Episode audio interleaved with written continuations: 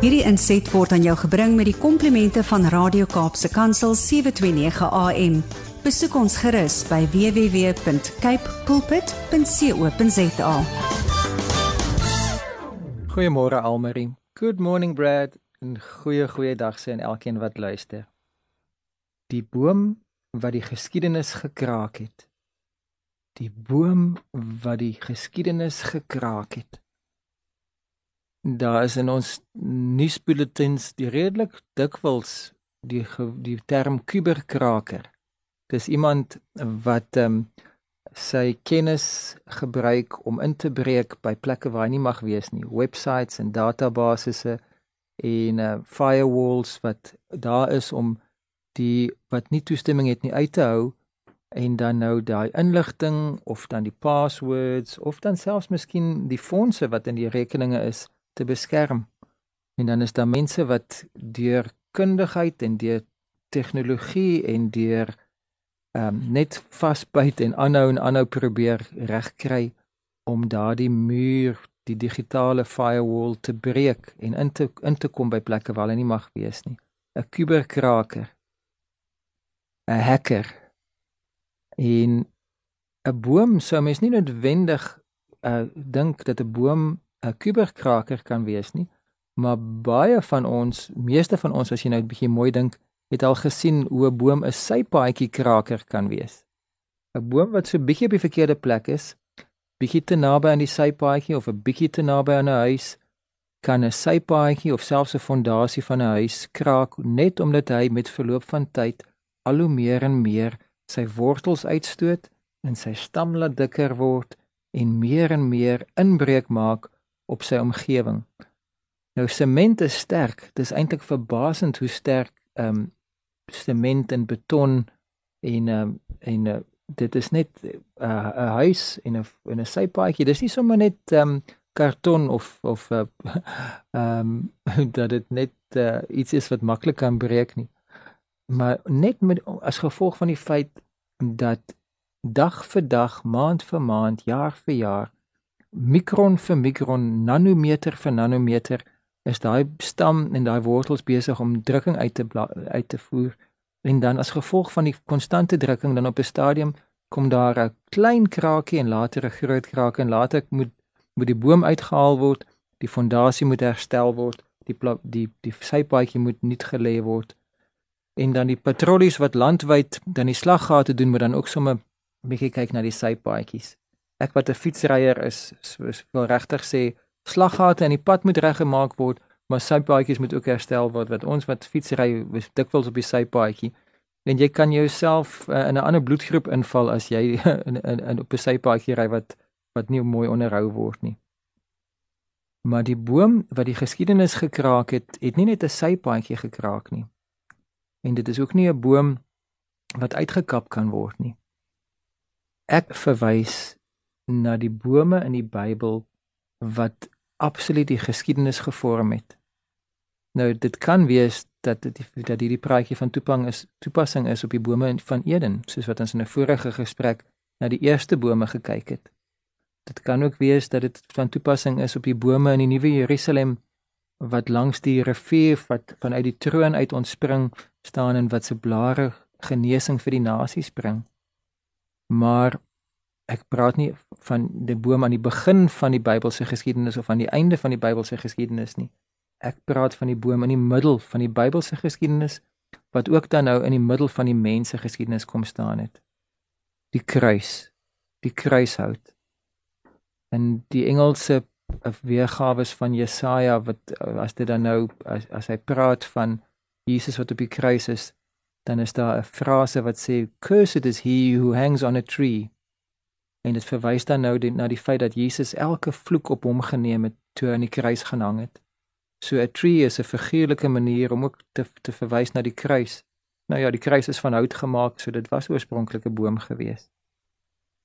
So die kruishout is dan die een boom wat die geskiedenis gekraak het, want daar is 'n tyd voor Christus en dan 'n tyd na Christus. 'n Tyd toe profete en almal voorheen vorentoe gekyk het na die werking wat nog moet kom. En nou is daar 'n tyd wat ons terugkyk in geloof en sê dit is volbring, die werking is gedoen en ons moet dit net vir onsself toeëien. Daar is natuurlik nog 'n stuk hout wat die geskiedenis gekraak het, skruishout aan die begin van Jesus se lewe. Toe Maria na sy geboorte gegee het aan haar eersgeborene, daar so in Bethlehem in 'n stal om in 'n krib neergelê het. Ek kan nie dink dat daai krib van iets anders as van hout gemaak was nie. So daar was nog 'n boom wat betrokke was wat die baba Jesus uh laat ehm um, lê het relatief ongemaklik maar maar uh, laat veilig lê het terwyl hy daar in die in die in die krib gelê het. En die geskiedenis weerspieël dit in die feit van dat ons praat van BC en AD, voor Christus en na Christus. Mense probeer die die die Christendom daarvan vermy deur te praat before the common era and after the common era. Um en dat dat dit nie so so on your nose spesifiek verwys na Christus nie. Maar daar is net eintlik een jaartelling wat algemeen aanvaarbaar is. Daar's natuurlik verskillende ander jaartellings.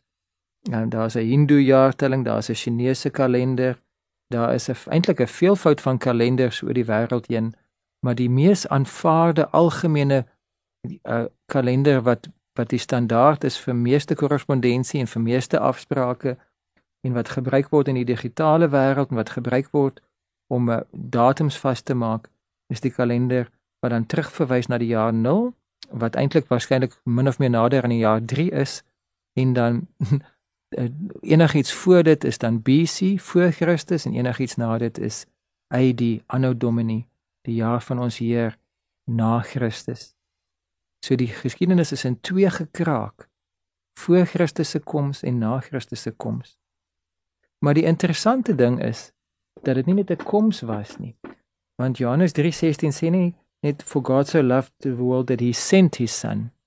Dat Jesus net gestuur is op 'n op 'n mooi welwillendheidsreis en dan nou so 'n toer gedoen het in Jerusalem en miskien Mekka en miskien Washington en miskien nog 'n paar ander groot wêreldstede besoek het en dan nou weer teruggegaan het en nadat hy eh, 'n paar mooi indrukwekkende toesprake gemaak het, 'n paar foto's geneem het saam met wêreldleiers, 'n uh, persverklaring uitgereik het en toe nou um, sê maar die die dorpse leerreëls of ander klomp leerstellings is uh, geteken het sodat hy dit dan nou kan endorse en kan sê ja nee hier is nou 'n min of meer akkurate weergawe van my leerstellings en dan nou um, vir ons verwys dit na sy um, uh hoofkantoor dat ons dan nou per e-, e-pos e verder met hom korrespondeer. Dit is wat staatsmanne doen of wat celebrities doen, is dat hulle gaan op 'n toer, maak hulle self bekend en daarna gaan hulle aan met hulle lewe. Jesus het nie gekom 'n toer gedoen en toe nou weer aangegaan met met hemelse aktiwiteite nie. Hy het homself gegee. For God so loved the world that he gave his only begotten son, not just sent him. Hy het vir Jesus gegee en Jesus het meer gedoen as net fotos laat neem of 'n 'n boekvrystelling geteken. Hy het sy lewe neergelê vir ons. Nou vir my as 'n Christen het ek al redelik dikwels uh uitreike bygewoon veral in my jonge jare en op my Bybelskooljare.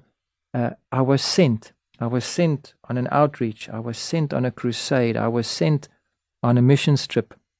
Short-term missions is is is wonderlik en wat 'n voorreg En as jy as jy die geleentheid het, wil ek jou ten sterkste aanmoedig, wees deel daarvan.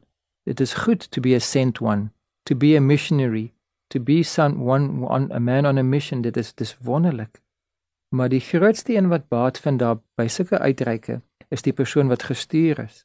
Ons groei, ons leer, ons ons kry 'n hart vir die die met wie ons te doen het. Die wat ons raak, dis maar net die Here se genade dat iemand sy hart vir die Here gee, dat iemand sy lewe omdraai, dat iemand uh, positief beïnvloed word. Dit is alles louter louter genade. Want eintlik is mense se geneigtheid om meer meer verander te word uh, as hulle 'n confidant het as wanneer hulle 'n crusader het. As iemand net kom en 'n 'n klomp traktaatjies uitdeel en weer uitgaan na 'n mooi lied en 'n gebed, dan is dit iets goeds. Dit is ek wil nie krities klink daarvan nie maar dis maar nie die begin van 'n eh, van 'n pad.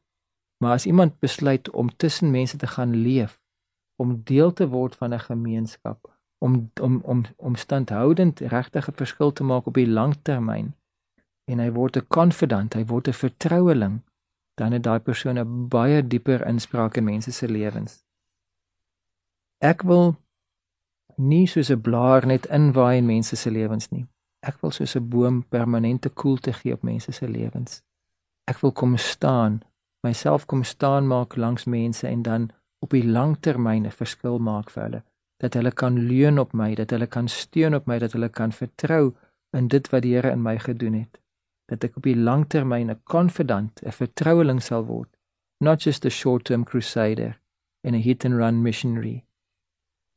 Ek wil nie krities klink nie, maar ek wil ons aanmoedig dat ons boonbehalwe die mooi korttermyn uitreike wat ons sal doen, ook sal onsself toelaat om uit te raak om aan te raak en aan te hou raak en raak.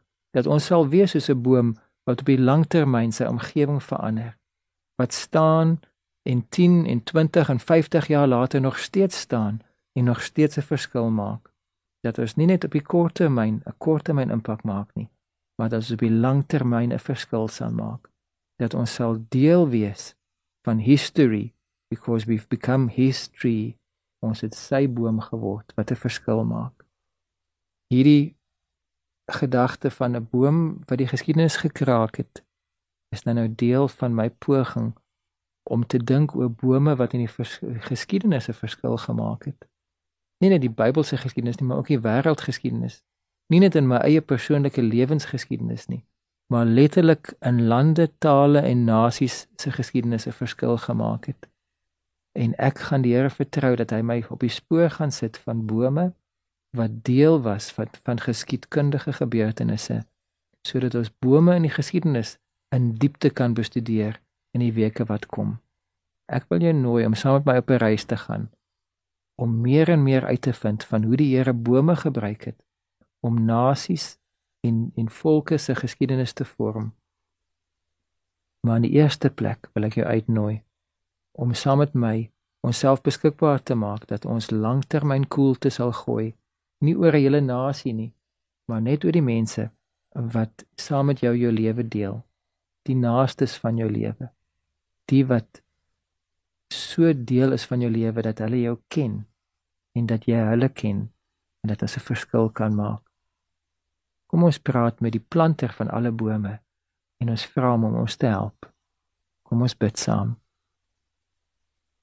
Vader, dankie dat daar nie een boom in hierdie wêreld is wat nie met sonder u medewete geplant is nie. Wat nie sonder u medewete opgekom het nie. Wat nie sonder u medewete gegroei het nie. Baie van die bome het gekom en gegaan sonder dat 'n enkele mens ooit van hulle kennis geneem het. Ander bome was maar net deel van die agtergrond of van 'n bos of van 'n mooi natuurskoon of van 'n mooi panorama en dit in geheel 'n mooi prentjie gevorm. Maar daar was individuele bome, geskiedkundige bome wat in die ter terme van individue en selfs van nasies 'n verskil gemaak het. Maar daar was nie bome wat groter impak gehad het as die boom wat sy uitgegee het vir die krib waarin Jesus gebore is of vir die kruis waarin hy gekruisig is nie.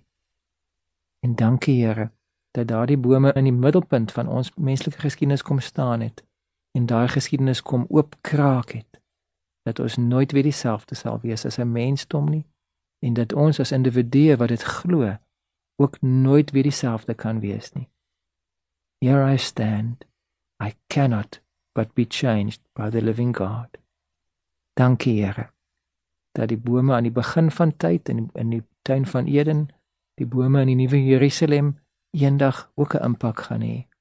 Maar dat heidaglik die boom in die middel van tyd, die kruis, 'n ewige impak het. Dankie koning Jesus. Dankie vir u liefde, dankie vir u realiteit. Dankie vir bome en dat bome maar net een klein faset is van 'n manier wat u uself bekend maak en u liefde aan mense demonstreer. Dankie Jesus. Amen. Hierdie inset was aan jou gebring met die komplimente van Radio Kaapse Kansel 729 AM. Besoek ons gerus by www.cape pulpit.co.za.